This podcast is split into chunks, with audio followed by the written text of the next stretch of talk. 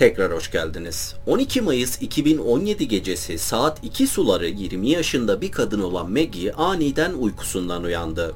Odasında etrafına bakmaya başlayan Maggie birden yan odadan yani kardeşinin odasından boğuşmaya benzeyen sesler duymaya başladı. Hemen yataktan kalkan ve gözlüğünü alan Maggie ne olduğunu bilmese de kardeşine yardım etmesi gerektiği konusunda emindi. Dakikalar sonra 911 çağrısına yanıt veren ilk polis memuru eve geldiğinde ev çok sessizdi. Üst kata çıktığında ise korkunç bir keşif yaptı. Bu evde yaşananların öncesinde ve sonrasında yaşananların hikayesi. Hazırsak hikayemize başlayalım.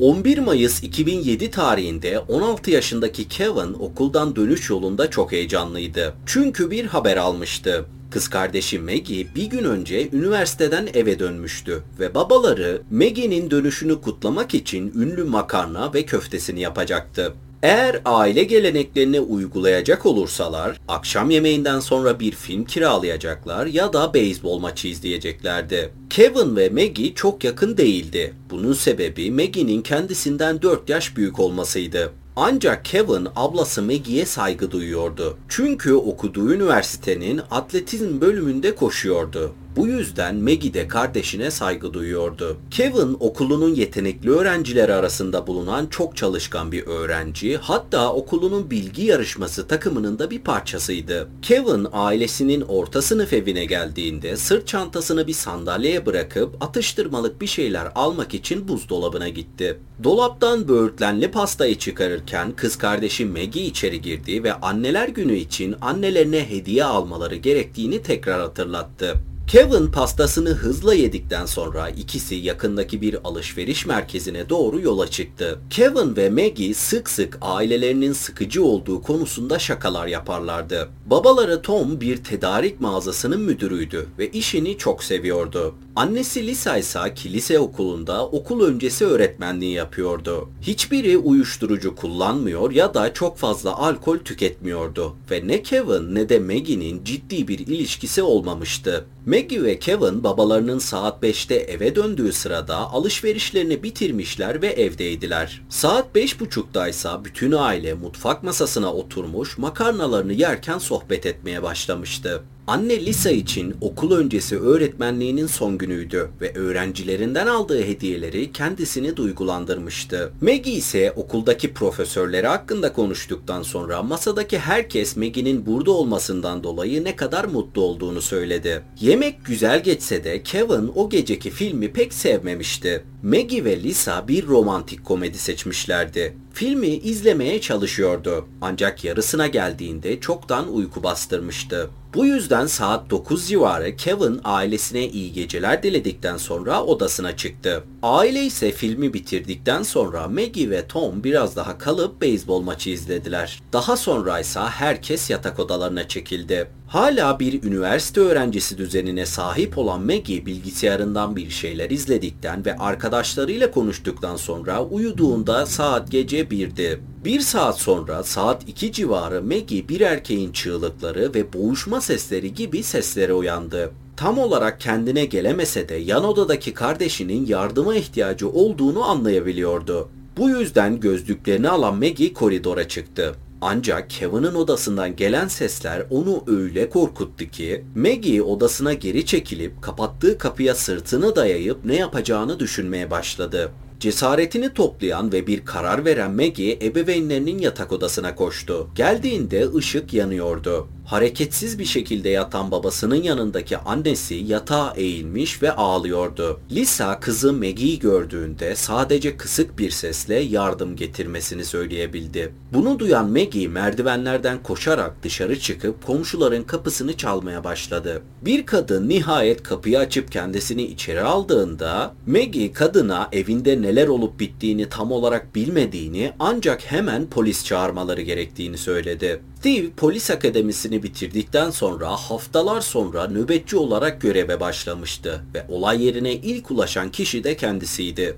Maggie'nin 911 çağrısını yaptığı komşunun evine gittiğinde Maggie evinde neler olup bittiğini tam olarak anlatamıyor ve sürekli ağlıyordu. Steve ailenin evine gidip kapıyı çaldığında cevap yoktu. Giriş katta mutfaktaki sürgülü kapının açık olması dışında şüpheli bir şey görmemişti. Sessiz evin üst katını da kontrol etmek isteyen Steve merdivenlerde gördüğü kan izini takip ediyordu. Koridora çıktığında ise takip ettiği şey artık kanlı ayak izleriydi ve ayak izleri kendisini odasının kapısında yatan Kevin'a götürdü. Boğazı ve yüzü ciddi bir şekilde kesilmiş, kolları ise mücadele mücadele yaralarıyla kaplıydı. Steve kendisine sonradan katılan memurla birlikte ailenin yatak odasına gitti. Oraya girdiklerinde gördükleri şey ise Tom'un gözlerini tavana dikmiş bir halde yatıyor olmasıydı. Yatağın diğer ucundaysa fetal pozisyonda yatan Lisa vardı. Telsiz çağrısını duyan dedektif adrese gitmek için arabasına bindi. İhbarın yapıldığı yerin şehrin en sakin bölgelerinden biri olmasının yanı sıra nadiren polisin çağrıldığı bir bölgeydi. Olay yerine gelen dedektif şu anda olay yeri ekiplerinin yardımına ihtiyaç duymadığını bildiği için hayatta kalan tek kişi olan Maggie ile konuşmak istedi.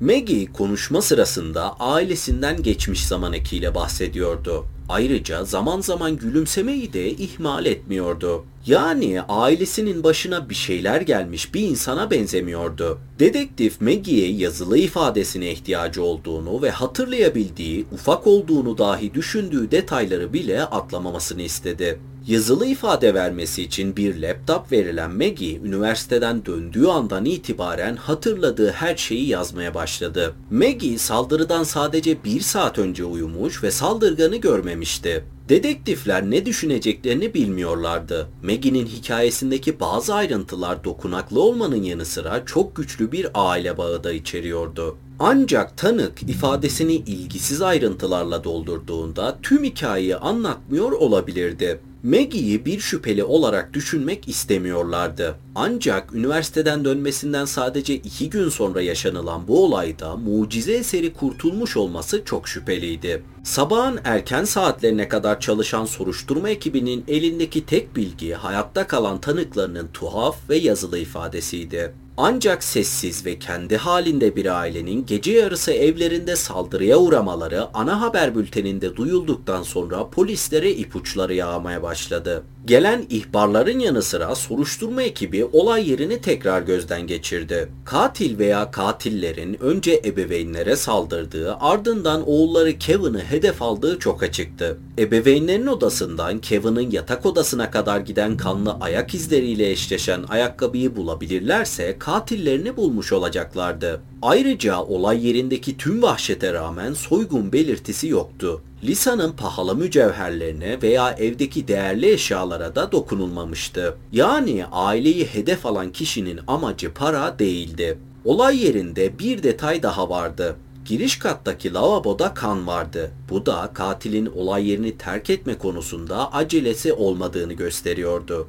Maggie'nin yazılı ifadesi için başvurulan FBI analisti yazılı ifadeyi inceledikten sonra ifadede bir yanıltma olmadığı cevabını vermişti. Yani Maggie doğru söylüyor olabilirdi. Soruşturma ekibi aileye kimin zarar verdiğini anlamak için bölgeye dağılıp komşularla konuşmaya başladı. Fakat konuşulan herkesin aile hakkında söyleyecek olumlu şeyleri vardı. Kevin'ın sadece iki arkadaşı vardı. Almanya'ya gideceği arkadaşı olan Alec ve ilkokuldan beri tanıdığı Warren, aileye zarar vermek isteyen kişileri bilecek birileri varsa ikisinden biri olabileceği düşüncesiyle yapılan görüşmelerde çok az somut kanıt sağlamıştı. Warren ağlarken verdiği ifadede Kevin'in herkesle iyi geçindiğini, aile üyelerinin son derece nazik olduğunu ve saldırıya neden uğradıklarını anlayamadığını söyledi. Hayatını kaybeden Kevin, Alec'le daha da yakındı sadece 500 metre uzakta yaşıyordu ve okulları tarafından götürülecekleri Almanya'da o da arkadaşı olmaları planlanmıştı. Warren gibi Alec de korkunç haberleri aldığında kötü bir şaka olduğunu düşünmüştü. 15 Mayıs'ta cinayetlerden 3 gün sonra soruşturma ekibi bir trafik polisi tarafından telefon aldı. Arayan trafik polisi hız yaparken yakalanan iki gencin üzerinden uyuşturucu madde çıktığını bildirmek için arıyordu. Sağlam bir ipucu aldığını düşünen soruşturma ekibi hemen iki şüphelinin kapatıldığı hapishaneyi arayarak şüphelilerin ayakkabılarının fotoğraflarını istedi. Dakikalar sonra gelen fotoğraflarsa hayal kırıklığıydı.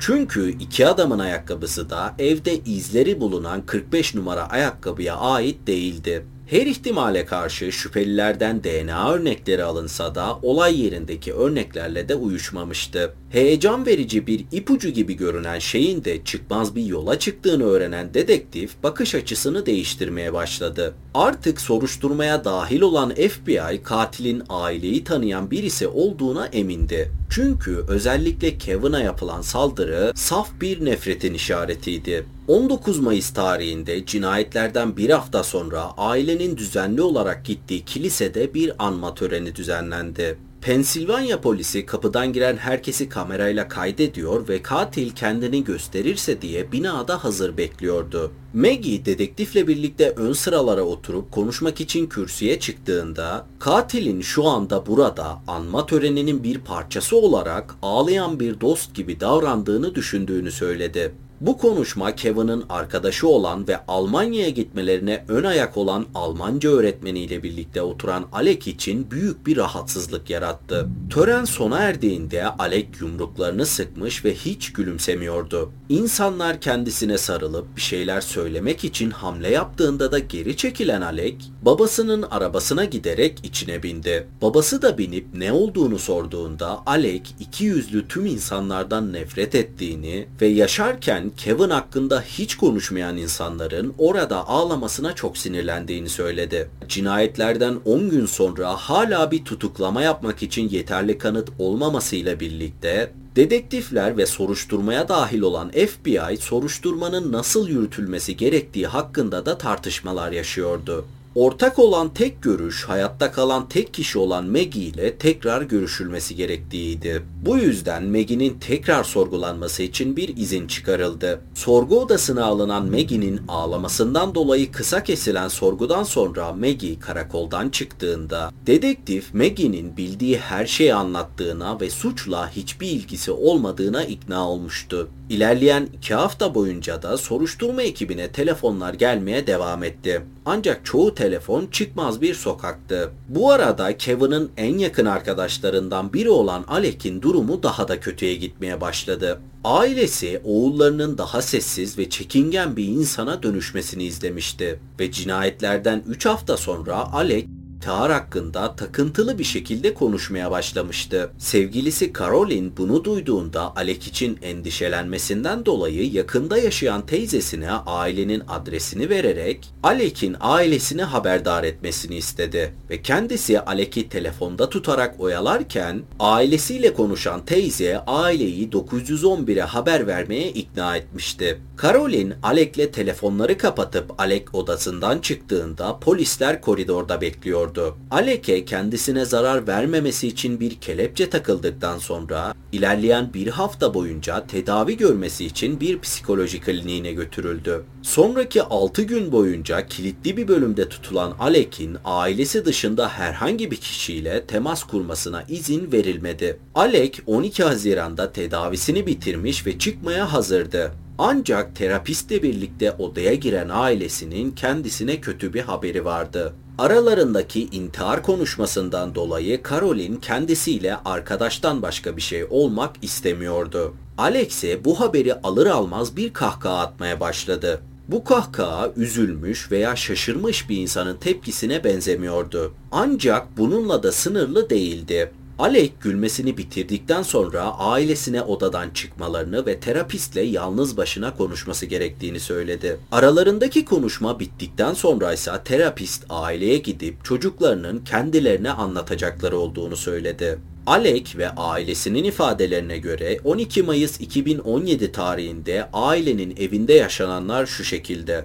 12 Mayıs gecesi saat 1 civarı katil siyah kıyafetler, içine koli bandı gizlenmiş bir beyzbol şapkası, Puppies marka ayakkabı, bir el feneri ve bir bıçakla birlikte Haynes ailesinin evine kısa süren bir yürüyüş yaptı. Oraya vardığında kapının açık olacağını biliyordu. Bu yüzden kapıyı açtıktan sonra sessizce üst kata çıktı. Uyuyan Lisa ve Tom çiftinden Tom'u göğsüne iki derin bıçak darbesiyle öldürdükten sonra Lisa'yı da bıçakladı. Ancak Lisa ölmemişti. Koridora dönen katil Kevin'ın odasına girdi ve uykusundaki Kevin'i bıçaklamaya başladı. Lisa ve Tom'un aksine Kevin uykusundan uyanıp karşı koymaya başlamıştı. Katilin elinden kaçma umuduyla kapıya kadar gelen Kevin kapının önünde boğazına aldığı bıçak darbesiyle yere yığılmıştı. Maggie'yi uyandıran çığlıklar kardeşinin ölüm sesleriydi. Maggie'nin koridorda belirmesi katili çok şaşırtmıştı üniversiteden dönmesini beklemiyordu. Ancak yardım almak için kaçtığında Tom ve Lisa'nın odasına geri dönen katil can çekişen Lisa'nın boğazını kestikten sonra aşağı indi ve ellerini yıkadıktan sonra mutfaktaki sürgülü kapıyı açıp olay yerinden kaçtı. Alec bu dehşet verici sırrını daha fazla dayanamadığını hissedene kadar saklamıştı. Olayın gerçekleştiği günden itibaren her gün artan öfkesi, kız arkadaşı tarafından terk edilmesi ve bir hastaneye yatırılmasından sonra çok daha kötü şeyler olacağı korkusuyla sırrını anlatmaya karar vermişti.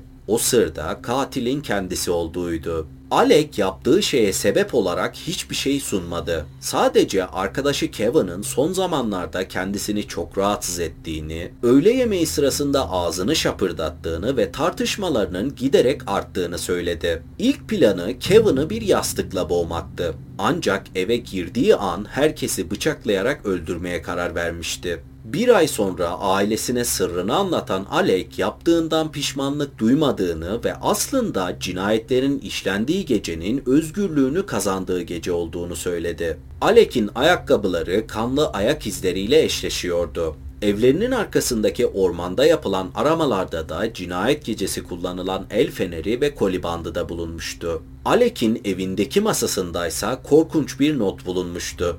Notta Alexander'ın yani tam adının cinayetten hemen sonra 12 Mayıs gecesi 3.30'da doğduğu yazıyordu. Alec 2008 yılında çıkarıldığı mahkemede işlediği her bir cinayet için şartlı tahliye imkanı olmadan ömür boyu hapis cezasına çarptırıldı. 2014 yılının Ocak ayında cezasının 6 yılını çektikten sonra ise hücresinde kendisini asarak yaşamına son verdi. Vakit ayırıp dinlediğiniz için teşekkür ederim. Aşağıya bırakacağım sosyal medya hesabımdan bana ulaşabilir, hikaye önerebilirsiniz. Kendinize iyi bakmayı ihmal etmeyin.